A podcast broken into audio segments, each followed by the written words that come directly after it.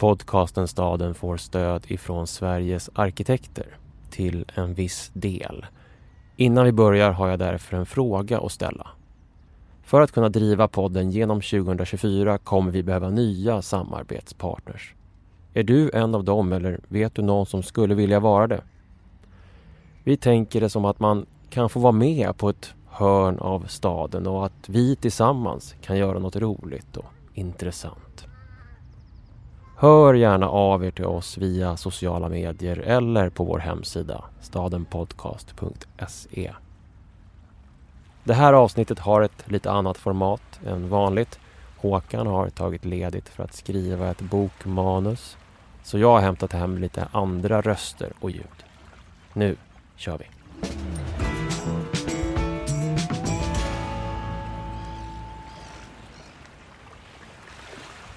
Ingen människa är en ö. Ingenstans är det mer sant än på en ö. En ö tillåter en att lämna något, att resa över ett vatten. Men trots att öar är enastående som platser för ensamhet, det storslagna havet, horisonten, vädrets makter, så kräver de att de som vill vara där lutar sig mot varandra. På en ö måste allt finnas. Allt ett samhälle behöver. Annars finns de inte. Som något annat än natur eller turism.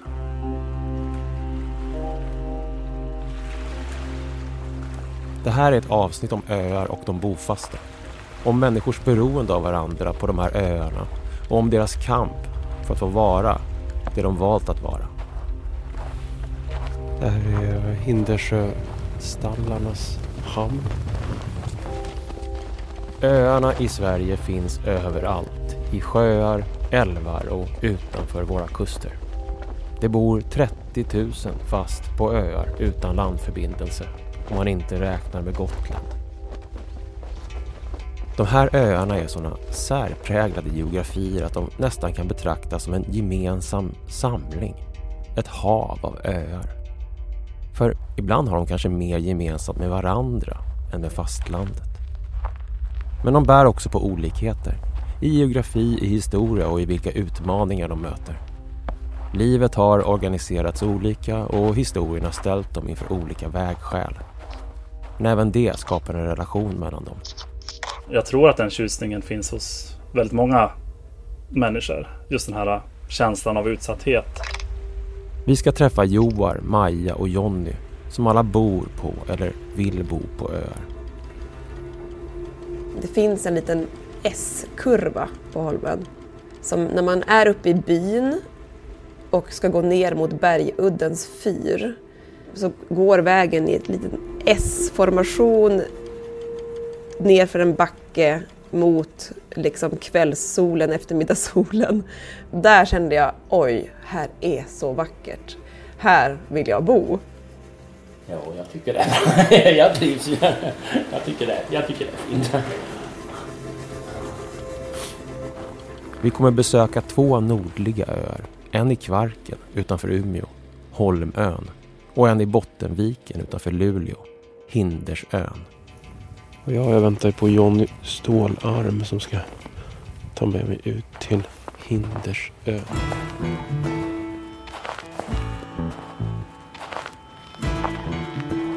Det här är podcasten Staden. Jag heter Dan Hallemark.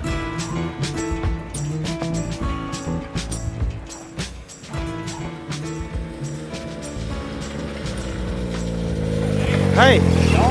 Hej, hej Dan! Hej, Hej, hej Jonny! Öbon och fiskaren Jonny Stålarm hämtar upp mig på skoter. det någon... Kolla isen. Jaha, du kollar isen med den? Jaha. Hindersön ligger så långt från fastlandet, staden, att man tvingas föra ett oberoende liv. Och man har också den äldsta bebyggelsen i Luleå skärgård. Redan i jordeboken 1534 omnämns fyra gårdar på Hindersön. Jaha. Ska man stänga den här på något sätt? Nej. Idag går pendelbåtstrafik hit så länge det är öppet vatten. Måndag till fredag 06.30 in till fastlandet och 17.30 tillbaka igen. Men nu är det Lucia-tid och isen ligger hela vägen ut över inlandsskärgården som ett vitt fält. Bilvägarna är ännu inte dragna så det enda sättet att ta sig ut till ön nu är med skoter. Granruskorna och de röda kryssen sitter nerstuckna, fastfrusna i isen och leder hela vägen ut till ön. Jag och Jonny Stålarm åker tillsammans över Bottenviken. Jonny har sina sälskinnshandskar på sig. Jag håller mig fast i två pinnar med värme i. Det är öppet åt alla håll. Öar vid horisonten. Ansiktet kallt, händerna varma. Oj, vad skönt att komma in. Jonny kommer från släktled på Hindersön tillbaka till en stamgård på 1700-talet. Det är inte lika kyligt idag som igår tror jag. Nej, kanske inte. Nej. På 1990-talet bestämde han sig för att tillsammans med sin yngre bror ta upp fisket igen. Det som hans farfar och generationerna innan hade ägnat sig åt. Ja, det var ju så för det hade ju funnits där. Så det var, man var ju då med och hjälpte till. Och man tyckte gillade det här livet alltså. Så det Mm. var som att man... Fast det var ju mycket genom att pappa hade det med bara som ett sommarfiske så att vi har ju som byggt upp det helt och hållet Mm. hela vårt företag. Alltså, så det, man, man jobbade och när man fick in då så försökte man då då satsade man och investerade grejer då eftersom så det vart ju så. Mm. Men det har funkat, det funkar ju bra så att... Ja, det är, en, det är en lång tradition. Man vill ju kanske inte bryta. Nej det är ju så heller så att jo nej, nej. Så, så länge man då tänker jag ju försöka. Ja, då ska jag ju bo kvar här då alltså, så att. Jag är ju 56 så jag har ju ändå ett tag kvar. Ja, just det. Men det är det också som fiskare. Du, ofta går du inte i pension när du är 65. För det, det är ju, vi har ju trålfiskare här. Äldsta är väl 78. Så det blir ju så. Nej, Så länge du orkar så håller du på. Varför är det så? Jag vet inte men det blir väl så. Det, det är väl också att det, det är ju som en liten livsstil det där kanske också då. Då blir det kanske svårt att sluta då också. Man vet inte riktigt vem man är om man inte fiskar. Nej, det kanske är så ändå. Så.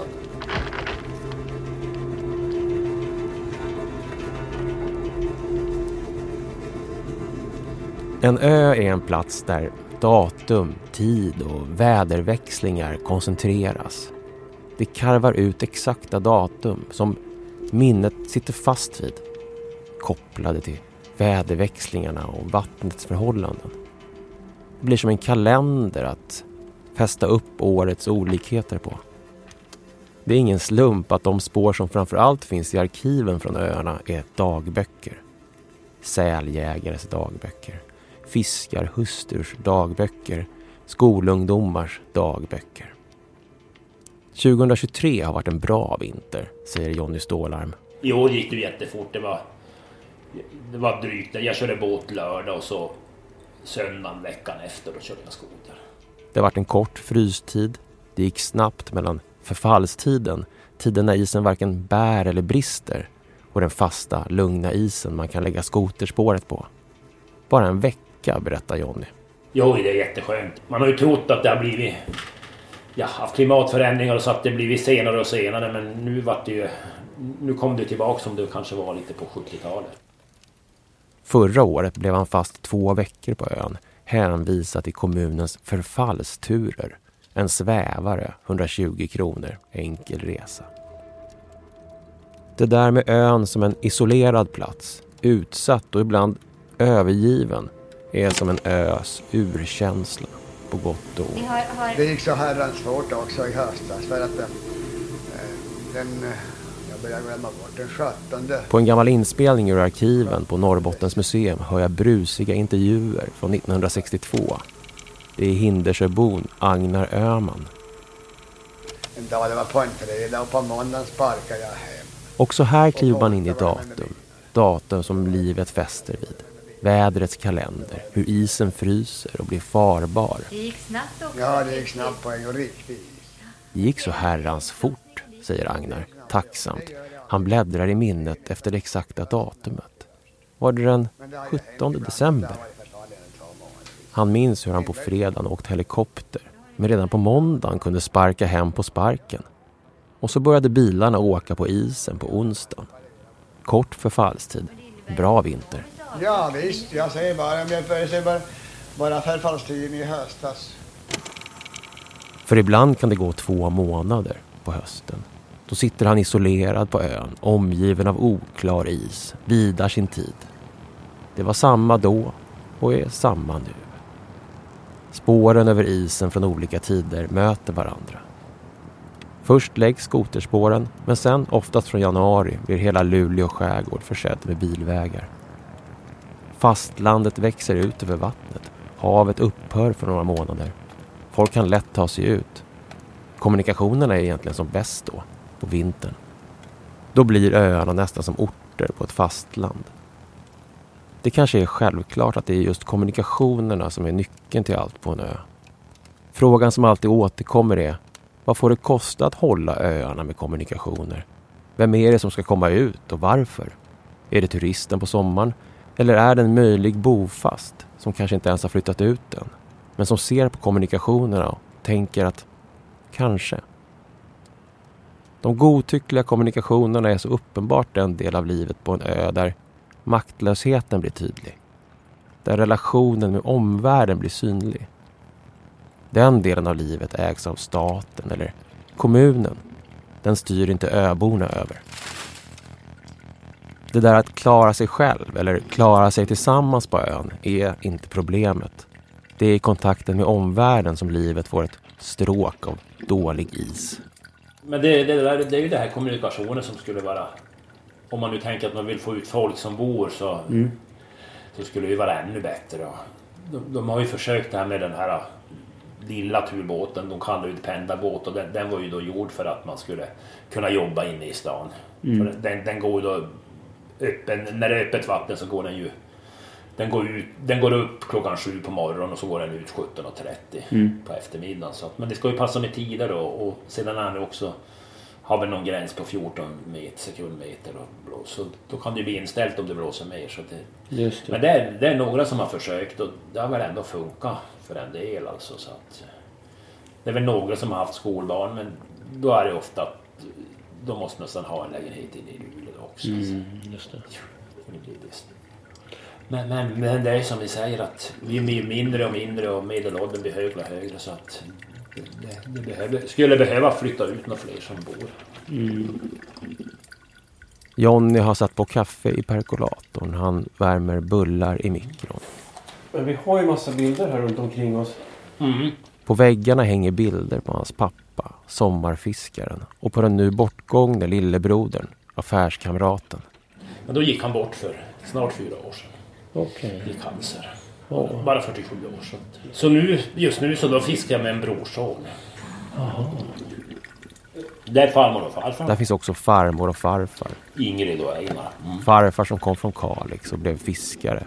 Och farmor som kom från fiskarsläkten här på ön. Det var det de De gjorde. satsade bara, de gjorde bara det. Alltså farfar fiskade och så hade de ju sju, åtta kor.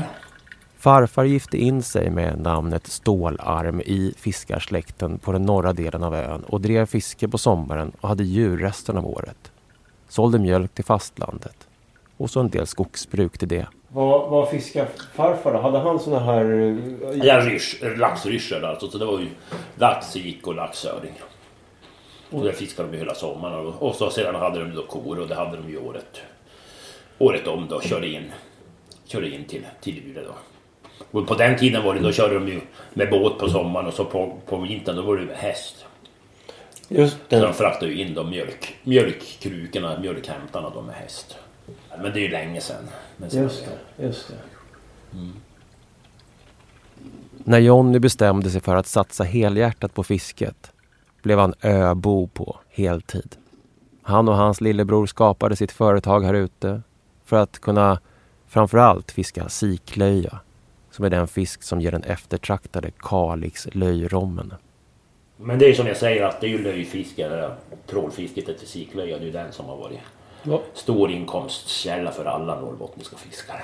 Och hur, var fiskar ni den någonstans i hela... Ja, hela, ja, där är ju fritt fiske. Vi får ju fiska då alltså. Men man blir ofta att man håller till. Vi håller till mycket runt. På fjärdarna då runt den här ön alltså. Så där, där. Men då, då när ni bestämde för att, för att satsa här ute. Vad, vad, vad var det som fick er att våga göra det? Så?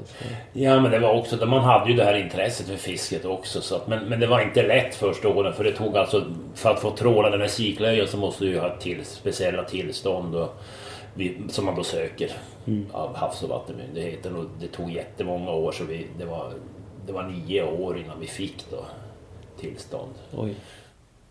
Det tog ett tag men 2001 fick de till slut tillstånd att tråla just löja. Och då byggde de ett hus till på ön för brodern Kenneth. Men så dog alltså Kenneth för några år sedan så nu fiskar Jonny med sin tvillingbrors son. Jo, han är ju 31 han. Mm. Så, så det vart faktiskt, det vart ändå, det vart ju lite... Ja, det var ju inte planerat genom att, men, men det vart så bra ändå för, för både för mig och för han att jag hade ju som alla grejer, vi hade ju allt. Vi hade ju byggt upp företaget jag och brorsan så allting fanns ju men man klarar ju inte det själv och som exempel det här löjfisket och trålar vi, vi kör ju varsin båt då. Ah.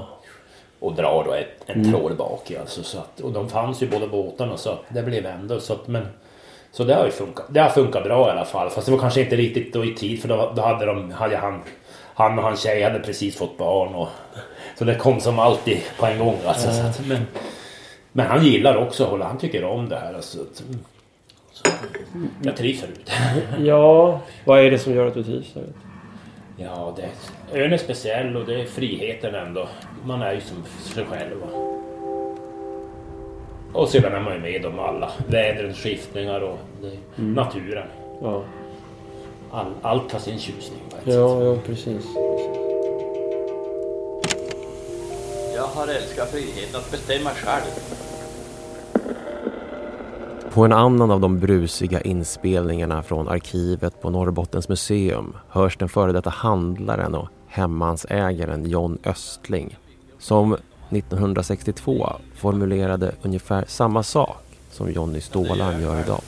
Och det värderar jag mycket. Jag värderade Längtan efter ett fritt öliv.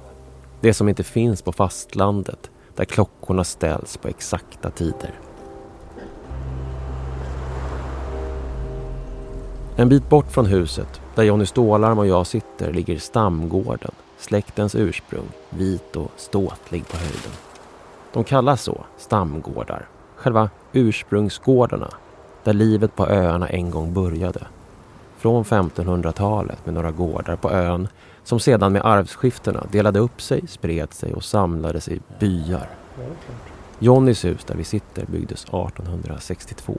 Och så fanns det en såg också på... på, på, på... Ja, jo, det har ju funnits byasåg här också, två stycken. För att man ska ha ett komplement till fisket så då... Ja, för jag såg en... Ska jag se här. Jag. Jag har en bild med mig från en bok som jag visar honom. Här är bysågen i... Ja, det är på Indersjön, jo. Ja. Jajamensan, den, den, den, den, då, då var det Då hade som alla tills... Det var, det var på en gård den stod, eller, och- men alla kunde såga där då. Ja, just det. Och den där, men den är, det är bara... Nu har det rasat ihop den där så det finns inte, Ja, inte något kvar av den. okej. I över 400 år har alltså människor levt och verkat på Hindersön.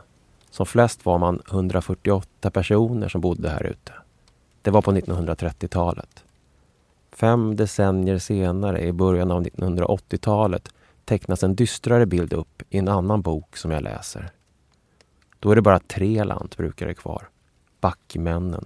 Det är den sista generationen, förespår man. Man skriver att man inte hyser några förhoppningar om att några ungdomar ska komma ut och föra den här traditionen vidare. Och att all kunskap, all kultur som varit viktig för ett liv i skärgården kommer dö ut med de sista tre lantbrukarna. Men Jonny Stålarm och hans bror gjorde motstånd mot den tanken. Och nu är vi ju ungefär, det är väl ungefär... Ja, vad är det? 27-28 markägare som har mark här ute som är, som är större mark alltså. Så att, Och hur många var det som bodde här fast sa du? nu alltså. Ja. Ja, vi är, det, det är väl 20 som är, ett 20-tal som är skrivna ute på ön men en del bor ju inne på fastlandet då, vissa tider av året. Men här i höst nu under isläggningen, då, det är ju då man märker och då har vi sex stycken som, som var här ute på ön. Men det är som jag säger, det skulle behöva komma lite mera mer folk hit ut på ön alltså. Ja. Men det är inte så bara heller. Och så. Det är samma som jag, jag själv, jag är ju själv, nu hade jag nu träffat, det är ju inte så lätt kanske för någon att flytta hit och bo. Jag som kvinna, då ska du, du ha ett jobb, då ska du nästan jobba inne i stan. Och Mm. Det är ju ett lite speciellt liv också. Men jag tror att den ändå skulle Men det, kunna... men, det, men det går ju säkert, det är ju så. så att, nej. Det, om man nu tänker att man skulle vilja ha provat att folk skulle flytta hit. Om det hade funnits någon hyra hade ju folk kunnat prova på. Mm. För det är ju ett ganska stort steg att köpa någonting och så Mm. ja, Det ser bara som sommarstugan här ute. De har ju, det är ju höga priser. Mm. Och, och, och jag menar ska du då köpa och så det kommer till så mycket mer. Du ska ha båt, du ska ha skoter. Det är en otrolig plats. Tänk att bo här ute alltså. Ja, jag tycker det. jag trivs ju. Jag tycker det. Jag tycker det är fint.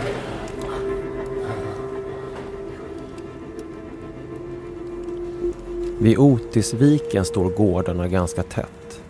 Här finns öns gatukorsningar och samhällsfunktioner. Här låg skolan och handelsboden. Hit kommer posten. På öar behöver allt finnas. När det är få människor kvar behöver de vara allt. Alla de där funktionerna som brukar kallas för ett samhälles. Som Jonny. Han får vara det mesta på ön. Om jag ska förstå det rätt så är du brevbärare.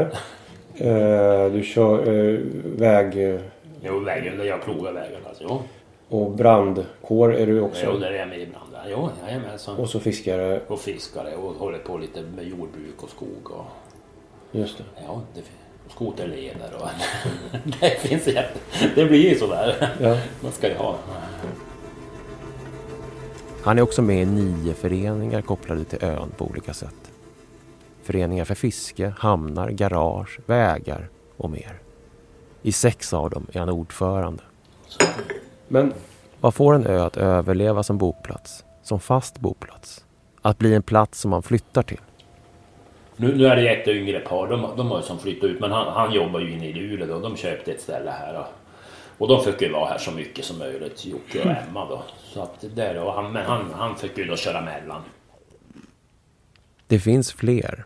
En gammal vän till Jonny har också tagit steget och köpt en villa från 1920-talet på ön. Han har djur och vill etablera sig här.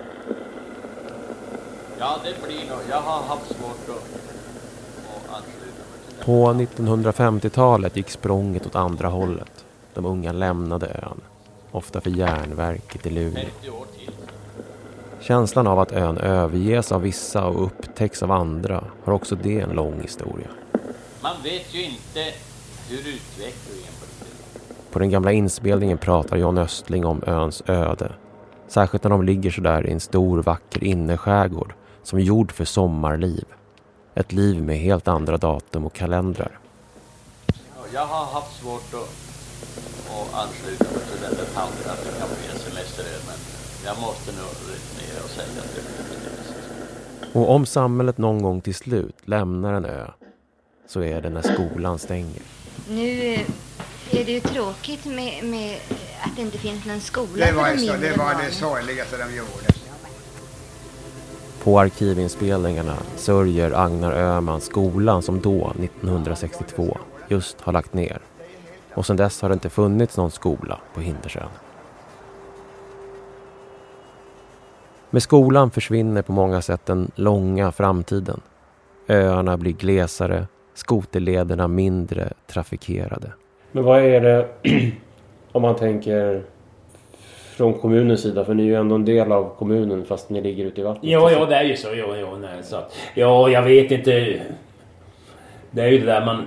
De pratar ju mycket om en levande skärgård och det är jätteviktigt. Men när det då kommer till kritan så är det... Ja, om vi nu ska vara krass så är det... De satsar mycket. Det är ju turism de är mycket för alltså. Och, men, men jag säger ju det. Bor det inga bofast ute i skärgården då, då är det ju inte så mycket att ha turister heller. För det är ju det som håller uppe Mm. landskapet och naturen. Så att man... Ibland skulle man hoppas... De har ju visserligen på en, De har ju prioriterat vissa öar och där satsar de ju jättemycket då. Men, men exempelvis Hindersjön, där, där är det inte gjort så mycket av kommunen.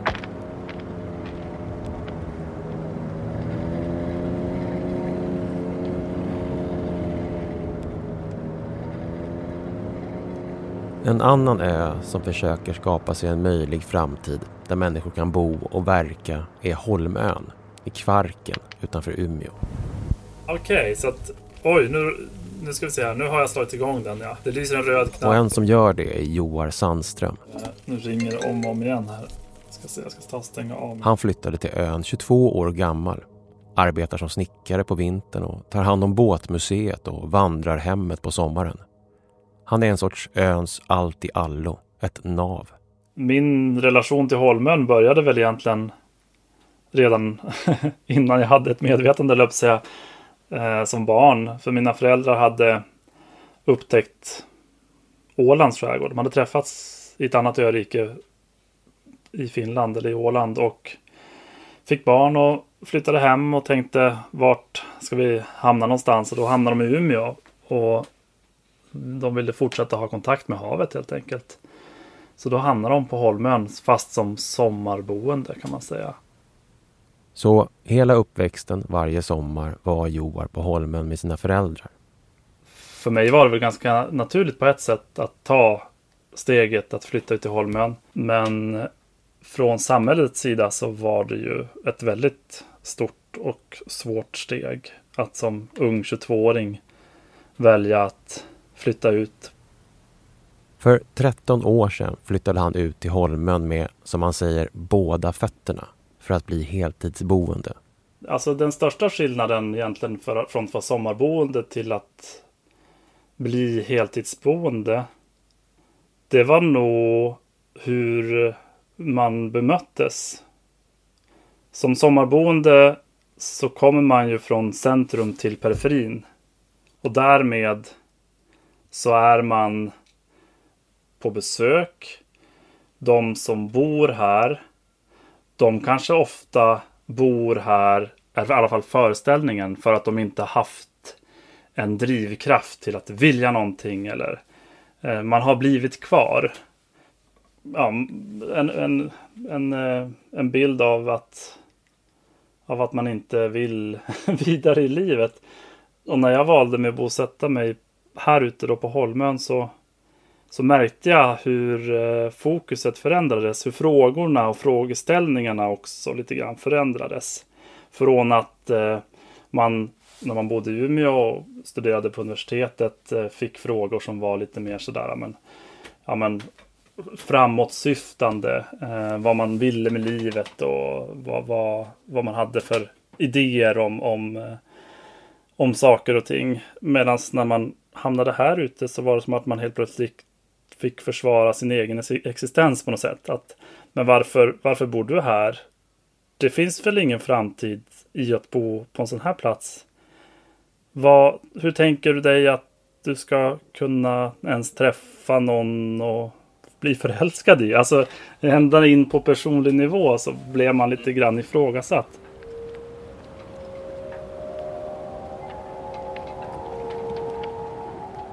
Holmen blir en plats långt borta.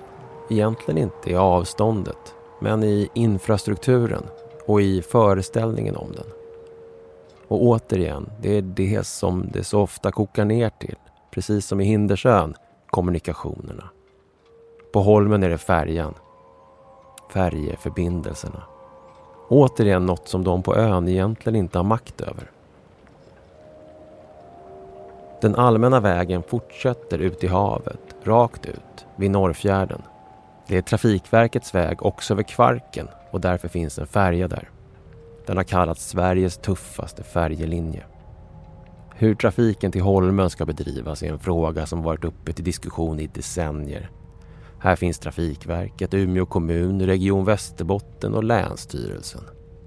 Och Trafikverket har valt att skaffa sig en relativt dålig färja Capella som går illa i is, klarar vind dåligt och inte är byggd för klimatet på platsen och som därför inte går att lita på. Man kan bli fast på ön i en vecka. Ibland sätts det in helikopter. Och just nu är frågan uppe på regeringsnivå. Det är det mest uppenbara beviset på meddelandet från det omgivna fasta landet som säger att man måste slåss för att få bo här. Då är det inte elementen längre, inte den utsattheten, utan bortglömdheten. Ett samhälles ovilja att sträcka ut en hand. Men på Holmön bestämde man sig ändå för att inte bli den där bortglömda platsen.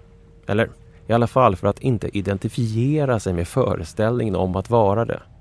Att vara det åsidosatta, förlorarlandskapet ute i havet. För mig, det var just att jag fick helt plötsligt börja tänka på vem är jag som person? Vad är det jag egentligen vill? Eh, och det vart ju väldigt tydligt helt plötsligt att jag har en väldigt stark vilja. Men den var ju inte starkare nu än vad den var innan. Men min självbild förändrades just för att jag var tvungen att vara väldigt tydlig i mitt ställningstagande. Och det där tyckte jag var väldigt intressant. Och det, det, det som då hände på Holmön, inte tack vare mig, men det kanske synliggjordes genom att, att en, en ung person som jag flyttade ut hit, var ju att man insåg att ska vi få folk att gilla den här platsen året runt, att vilja bo här, så måste vi börja med hur vi pratar om oss själva och om Holmön. Mm. Eh, och det arbetet, det har liksom pågått på Holmön sedan dess. Och det är väl det som är den stora förändringen de senaste åren egentligen.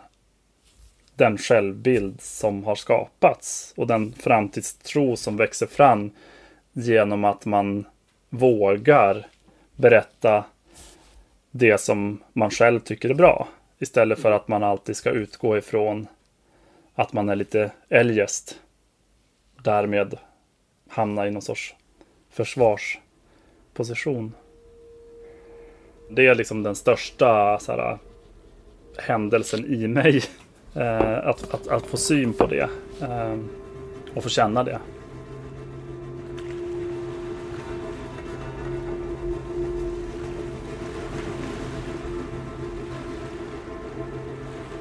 När man kommer till Holmön är det framförallt en sak som slår en. Det är att ön förvisso är en plats i havet. Det är en ö med alla de där sakerna som finns där. Klipporna, den öppna horisonten, fyren. Men det allra tydligaste är att ön har ett centrum, en bit från havet. En gata med hus, en tät kärna inne på ön med ett tydligt slut och början. Där husen relaterar till varandra och till vägen och gatan. Det här är en ö som alltid samlat sig. Det här är ön som skapar sitt eget centrum. Nu är det en plats som inte vill vara det som andra bestämmer att den ska vara. Som vill skriva sin egen berättelse. Det är så himla lätt också att hamna i en, eh, en schablon av eh, vad en skärgårdsö är. Men den schablonen är ju också någonting som vi som bor i skärgården är väldigt less på. Vi är väldigt trött på eh, svensk skärgårdssommar. Det är väl det sista vi själva förknippar med skärgården.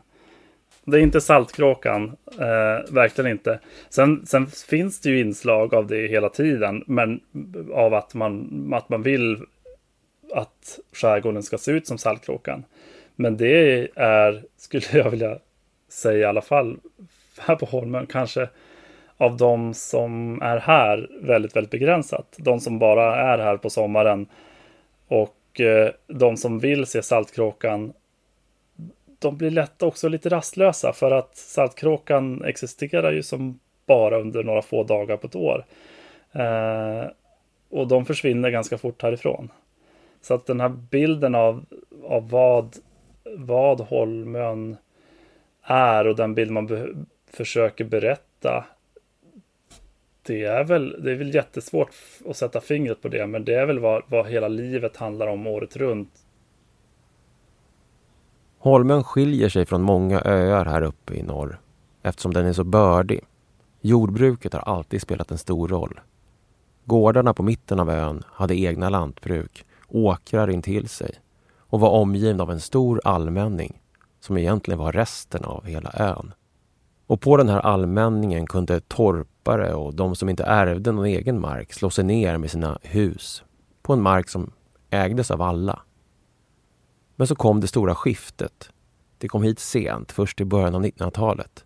Ön delades upp mellan markägarna.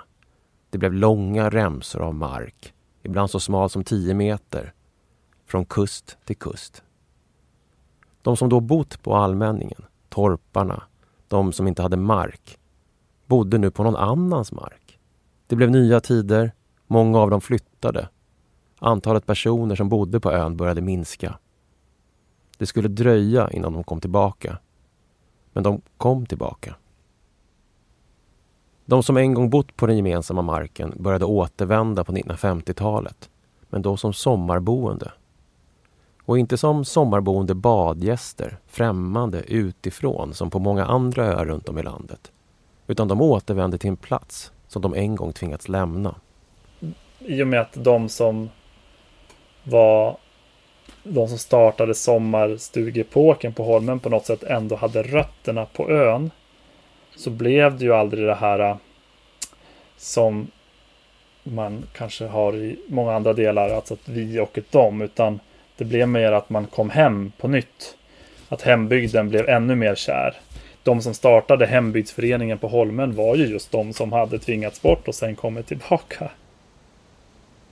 På så sätt bär också sommargästerna på den gemensamma historien. Det här har format en kultur att samlas kring, också nu när det gemensamma samhället börjat byggas upp igen, inifrån. Som i ett andra skifte. Eh, och den där liksom medvetenheten om, om att, eh, att alla som bor här behöver livnära sig på, på vad ön har och ger. Den, den liksom växlades ju sen upp då när, när, när det moderna samhället kom till. Alltså när vi skulle börja vara kommuner i Sverige. Eh, för vad är då skillnaden mellan en by och en kommun? I Sverige blev ju väldigt många öar egna kommuner. Eh, och varför de vart det, det vet jag inte. Men antagligen just för att de var så himla avgränsade. Så Holmön med sina på 1900, början av 1900-talet 400 invånare var ju en egen kommun. Och fortsatte ju liksom drivas lite grann som man hade drivit byn i eh, ända sedan den startade ska man säga. Och det är ganska fascinerande att tänka sig ett samhälle som, som ända fram till då egentligen eh, har man som haft en uttalad så här, att det är vi som sköter våran plats. Det är vi som driver vårat samhälle. Men efter kommunsammanslagningen så helt plötsligt så uppgår man i ett stort kollektiv i Umeå kommun. Och så försvinner den här liksom, eh, möjligheten att råda över sina egna frågor. Men man utelämnas fortfarande till att lösa problemen. Och det är väl också det som gör att, att, eh, att det ser ut som det gör idag på öar. Just för att vi har den historien av att ända från när samhällena grundades så har vi ända fram till idag liksom varit utlämnade åt oss själva. Det har aldrig kommit någon utifrån och haft en ansats av att vilja göra någonting med platsen. Det är ett arbete som pågår. Att bygga det där egna samhället. Att vara det där samhället på alla nivåer. Och kärnan i det är att ha kontroll över livet. Inte kontroll som i övervakning utan som i makten över sina egna resurser. På Holmen drivs därför affären, bygdegården, vandrarhemmen, museet av föreningar på ön. De blir institutioner som ett samhälle behöver för att gå runt. En sorts allmänning. Det gör också att pengarna som kommer in till ön stannar på ön. En tät ekonomi, som en bykärna, där varje del är beroende av en annan. Tre föreningar driver tre vandrarhem. Pengarna stannar där, stannar i bygden, så att en bygdegård kan hålla öppet på vintern. En av föreningarna driver också Båtmuseet, en stor samling båtar som berättar historien om Kvarken och livet där. Föreningen som har museet kan använda pengar från vandrarhemmet för att driva det. Det är en väldigt lokal ekonomi. Affären stängde för tio år sedan. Då fanns det ingen ekonomi i att driva den med en omsättning på 3,5 miljoner. Då fick man göra det själva. En annan förening har bildats så att man kunde köpa prästgården, göra om den till vandrarhem och en samlingsplats på ön. Så byggs samhället inifrån.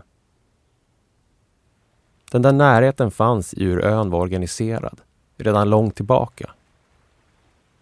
Man skulle nog kunna kalla det för en urban kultur. Trots att omvärlden inte såg det så för att den fanns på en ö. För det är just det man känner när man vandrar förbi prästgården, upp på höjden, längs med vägen, förbi uthusen och husen som samlats i bykärnan. Här finns allt det där som Joar beskriver, men i byggd form. Det är den materiella basen för det här samhällets organisation. För skräcken är ju att det skulle bli som på många platser och många öar i Sverige är ju drabbade av det. Att det blir en enorm invasion av folk under en väldigt begränsad tid på sommaren. Och det gör ju någonting med samhället. Då försvinner ju den här ömsesidigheten i, i att besökaren är här på våra villkor. Utan då är besökaren här på sina villkor. Och vi som bor här känner oss trängda. Och då skapas det ju också motsättningar. Och det som händer på Holmen nu då när det kommer turister, det är snarare att vi känner så här wow, de kommer hit för att de gillar vår plats. Man får en bra självkänsla. Yes, de gillar att vara här. Det gör ju vi också. Och vi vet också att de pengarna de spenderar, de hamnar i våran lanthandel eller de hamnar på våra vandrarhem eller i museets liksom, museibutik. Eh, och på det sättet så skapas det ju en, en eh, ömsesidighet mellan besökaren och oss som bor här. Och det tror jag också gör någonting med besöksmålet. Eh, att om man kommer hit, gissar jag och har fått höra många gånger, att man känner att man är välkommen som besökare. Eh, och många som kommer hit frågar sig kanske så här, men vad är det som finns att se? Ja, det finns jättemycket att se, men det är inte det man berättar om när man åker härifrån. Utan det är någonting annat. Någonting som handlar om ett sammanhang som kanske är lite svårt att sätta ordet på vad det var. Men man, man kände att här är en trivsam plats. Här kan man gå omkring utan att man känner sig som en, som en besökare. Eh, det låter ju så lite klyschigt som taget ur en, en, eh, en så strategi från någon kommun som ska sälja sitt eget varumärke. Eh, men det, det, är verkligen inte så, utan det, det har bara blivit så av sig själv för att grunden är att det är vi här på Holmön som, som liksom står för den, den eh, strukturen. Och då blir det någonting äkta. Men allt är inte klart, långt ifrån. Arbete pågår. Det finns hål också på Holmön i det som är byggt. Skolan saknas. Det där äldreboendet som skulle kunna göra att man kan bo kvar saknas. Men nya hus byggs också. Nya planer smids. Just utanför bykärnan, efter S-kurvan, där skogen tar vid, i kanten av en åker, i en dunge av aspar, har Maja Hallén och hennes familj börjat bygga sitt hus. Alltså det hela det är ju en väldigt personlig berättelse för att det hela börjar ju med eh, att jag och min nuvarande man flyttade till Umeå 2010 och började plugga. Och innan dess jobbade vi till sjöss båda två eh, på segelfartyg. Och min man är från Österbotten, alltså rakt över Kvarken, eh, från Holmön sett ungefär, eller Umeå sett. Och jag är från södra Sverige. Har aldrig trivts i Umeå med hur det ser ut. Alltså det låter så ytligt. Men, men det är något djupt. Alltså jag tänker att det handlar inte om egentligen stadsbyggnationen utan mer liksom naturen. Och längtat ganska mycket söderut. Eh, och det accelererade väl när jag blev färdig med mina arkitektstudier. eh, och vi fick barn, vi hade också två barn då och kände att vi behövde bo nära föräldrar, få hjälp. Eh.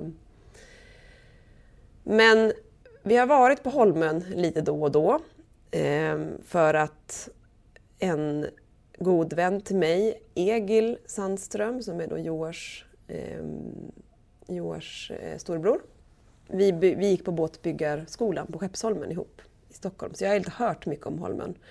Eh, och så har vi varit där ute och hälsat på. Och så har jag alltid känt, eller vi, både jag och min man har känt, och det här det är väl liksom den enda platsen som vi har kommit överens om att vi båda trivs på. Eh, och eh, varenda gång jag kommit ut så har jag känt så här, ah, okej, okay, men blir vi kvar här uppe då är det här vi måste bo. De fick hyra ett hus på ön när de nästan hade bestämt sig för att flytta söderut, hem till Majas Blekinge. Men de kände att de måste få prova att vara öbor. Och det blev en sorts hemkomst i hur livet skulle kunna vara. Maja började gräva i jorden. Barnen drev runt bland djuren på gården. Det kändes som en sån jäkla frihet att bara, ah, okej, okay, det är så här det ska vara. Och det som också hände samtidigt som vi då började vara där, det var ju att vi insåg vilket jäkla gäng det är där ute. Eh, personer som försöker bo här i vår ålder och jag har aldrig varit på en plats där jag så snabbt får komma med i ett sammanhang. Och bli inbjuden att så här, vill du hjälpa till med det här? Eller vill du dra ditt strå till stacken i det här? Ja, men du kan ju de här sakerna. Kan inte du hjälpa oss att tänka på det här? Eh, och det var ju, alltså nu är det ju, alltså jag tycker Holmen fortfarande är fruktansvärt vackert och underbart på alla sätt och liksom stjärnhimlen och norrskenet och havet och ja, men du fattar. Men det är ju ändå det som får en att fortsätta tycka om platsen. Att mm. det finns en gemenskap och ett kollektiv som försöker få till möjligheten att kunna bo där. Men platsen krävde också något av dem. Den skulle inte klara det här utan deras hjälp. En ö räcker inte som gravitationskraft i sig själv. Det finns något omhändertagande i det, att man bryr sig inte bara om sig själv. Och jag tänker att det kanske grundar sig i förståelsen av att man inte klarar sig själv. Ehm, och att det är så djupt rotat på en sån plats. Det är så tydligt att alla fyller en funktion både till vad man gör men också faktiskt till antalet. Alltså varenda människa som flyttas, flyttar in blir som en så jubel kring för att det behövs. För annars så krymper vi eller så tystas det eller ja, du förstår. De var med och startade upp ett projekt efter något år. Efter vintern 2018 när färjan var inställd 40 dagar på två månader. När känslan blev att man inte skulle orka en enda vinter till. Samtidigt blev den sista gemensamma mötesplatsen prästgården som Svenska kyrkan hade haft till salu. Den som hade varit platsen där man träffades på vintern.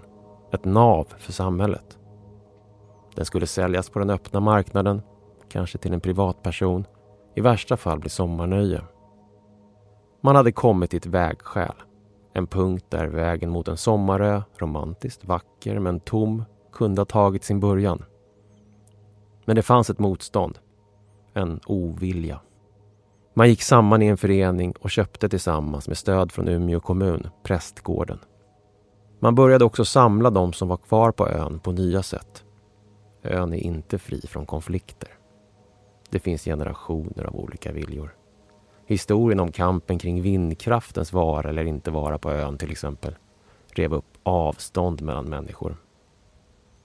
Men kanske kunde en ny generation öppna nya dörrar. Då insåg vi att ja, visst, vi kan rädda Prästgården och försöka göra det, men vi måste ta ett helhetsgrepp på hela, hela platsen. Alltså vad är det vi vill? Vad kan vi göra? Vad, liksom, göra ett... Eh, ja, men vi är en plats som behöver olika saker för att man ska kunna bo, leva och verka på. Eh, vad är det? Man sökte pengar och startade ett projekt med en handlingsplan. Första lördagen i varje månad hade vi en byalunch i Prästgården. Ehm, där vi hade olika teman där vi pratade kring olika av de frågorna som vi behövde prata om på Holmen. Så det hade, en, det hade liksom som en rubrik varje lunch. Ehm, och det kunde vara transporter, det kunde vara jordbruk, eh, boende, turism. Ehm, det var ett som vi hade bara så här, ös ur er allt ni behöver säga som är negativt så kan vi, så kan vi, har vi gjort det. Över 200 olika personer kom till luncherna. Man var mellan 40 och 50 på varje lunch. Nu finns en handlingsplan, i stort och smått. Från vad man ska göra med jordbruksmarken som länge legat obrukad, odla potatis, som man nu gör, ett ton per år som kan säljas till affären. Eller större saker, som boende. kan man inventera sommarhusen och se vilka som kan hyra ut sina hus resten av året för de som vill bo här. Det blev en rörelse framåt som fick fäste. Och Åsa som är fårbonden, eller för detta fårbonden på ön och som sen körde soporna i massa år. Och som nu är pensionerad. Men det, hon sitter nu vid sitt fönster och fotar fåglar. Eh, och, och alla engagerar sig i det där, alla hennes fåglar. Men hon, eh, hon sa efteråt att så här, det har aldrig varit så här bra stämning på den här platsen. Så någonting gjorde det.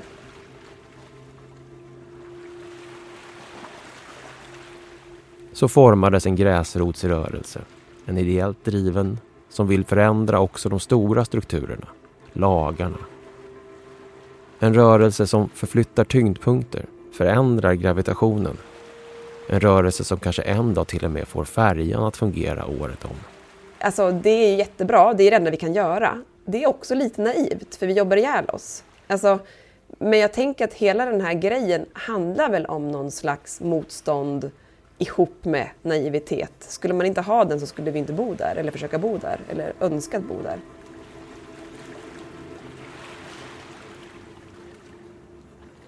Våren 2023 hände något oväntat på ön. Man blev stående med ett hus med rötterna långt bak på ön. En av öns föreningar har, eh, och det, som driver båtmuseet, eh, fick eh, för ett år sedan ungefär ett erbjudande om att ta över en gård på Holmön. På gården hade det bott öns sista eh, skärgårdsoriginal kan man väl säga. Alltså den som ända fram tills att han dog för, för ett par år sedan levde precis som man alltid har levat. Och det är lite kul att vi kallar dem för original. Men det är väl de, de eh, sista resten egentligen från det gamla samhället. Eh, och den här gården som han levde på, där hade det inte gjorts några förändringar överhuvudtaget egentligen sen när man bedrev jordbruk. Eh, och de bedrev jordbruk med häst. Hästdrivet jordbruk ända fram till 1970 ungefär. Och gården är ungefär lämnad som att de gick för dagen. Och den här gården, den har vi nu fått. Eh, och precis som att vi får äga alla frågor själva så, så ser ju vi ett behov av att möjliggöra för fler att få bo i, i, på Holmen. Alltså det är ju ett stort steg att flytta vars man än flyttar och det är ett väldigt stort steg att flytta ut på en ö. Och extra stort steg om man då tvingas att köpa någonting som ofta är ganska dyrt för att det är populärt att vara här på sommaren. Eh, och därför så ser vi nu chansen att liksom tillgängliggöra Holmön genom den här gården också. Att eh, gården ska bevaras men den ska också bevaras i kombination med att någon ska kunna bo där. Och jag tänker att det är också ett, så här, ett, ett av alla exempel på hur frågor hanteras. Att visst, här har, vi har en gård med ett musealt högt eh, Eh, betydelsefullt värde för att berätta om öns historia, om öns eh, årsringar. Men samtidigt så måste vi också hela tiden se till eh, för att, för att legitimera att berätta om det någonstans så måste det också gå att leva och bo här ute. Och då behöver vi se till att någon också kan bo på den här gården även fast den ska berätta om en historia. Något annat hade varit otänkbart för oss. Så möter den gamla, nästan bortglömda kulturen en ny. Den gamla gårdens uthus och förråd lämnas som de en gång var. Fiskenäten, sälskinnskorna, skidorna, hästvagnarna. Allt möjligt där man kan se bakåt och inåt.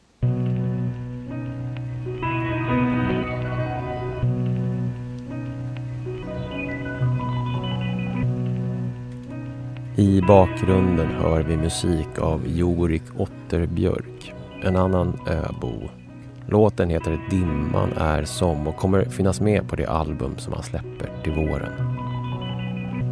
Jorik och hans familjs berättelse är ganska typiskt för Holmens läge just nu. De flyttade ut till Holmen 2014. Han tog över lanthandeln och fick på så sätt ett boende. Han engagerade sig med Joar och Maja och de andra för ön.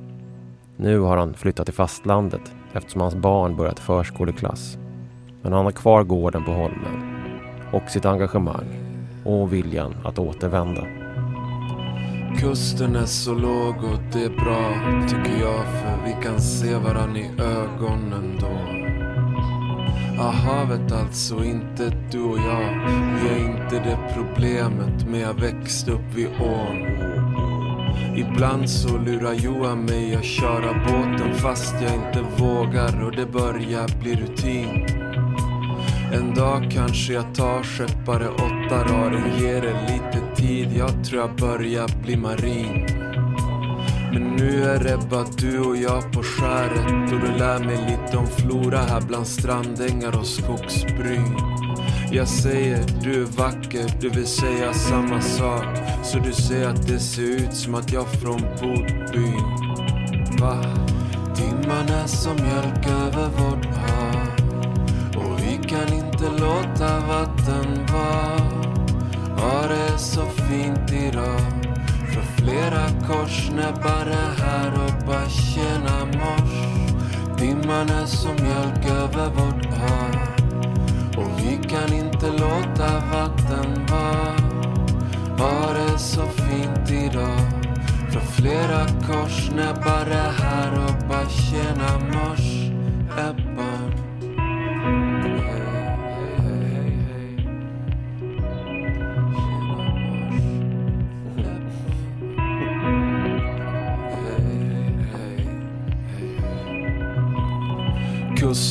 Inte klar för det dis Vi är ute, du och jag, jag står vid tunnan, eldar ris Det är terribly dark here Du har näven full av nävor och det lyser hos Elise Vill du ha kakor? Vi går dit eh.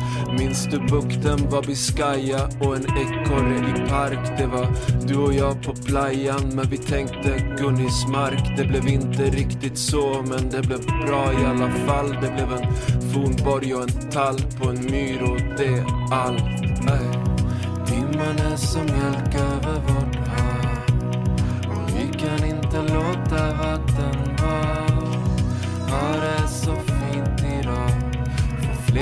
Korsnäbbare här och bara tjena mors. Timmarna som mjölk över vårt hav Och vi kan inte låta vatten vara. Ja, det är så fint idag. För flera korsnäbbare här och bara Tack för att du har lyssnat på podcasten Stadens avsnitt om öar. Tack också till Maja Hallén, Joar Sandström och Jonny Stålarm och arkivet på Norrbottens museum. Och tack också till Jorik Otterbjörk. Musiken ni hörde kommer att finnas med på det album han släpper till våren. Men han hade vänligheten att låna ut den så länge. Programmet innehåller också originalmusik av Mikael Svanevik. Musik som finns samlad på undertoner.se. Podcasten Staden får stöd från Sveriges arkitekter.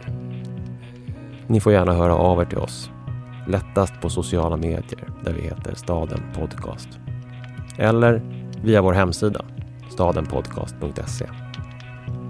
Det här avsnitten producerades av Sara Lundin på Third Ear Studio. Tack för att ni lyssnade.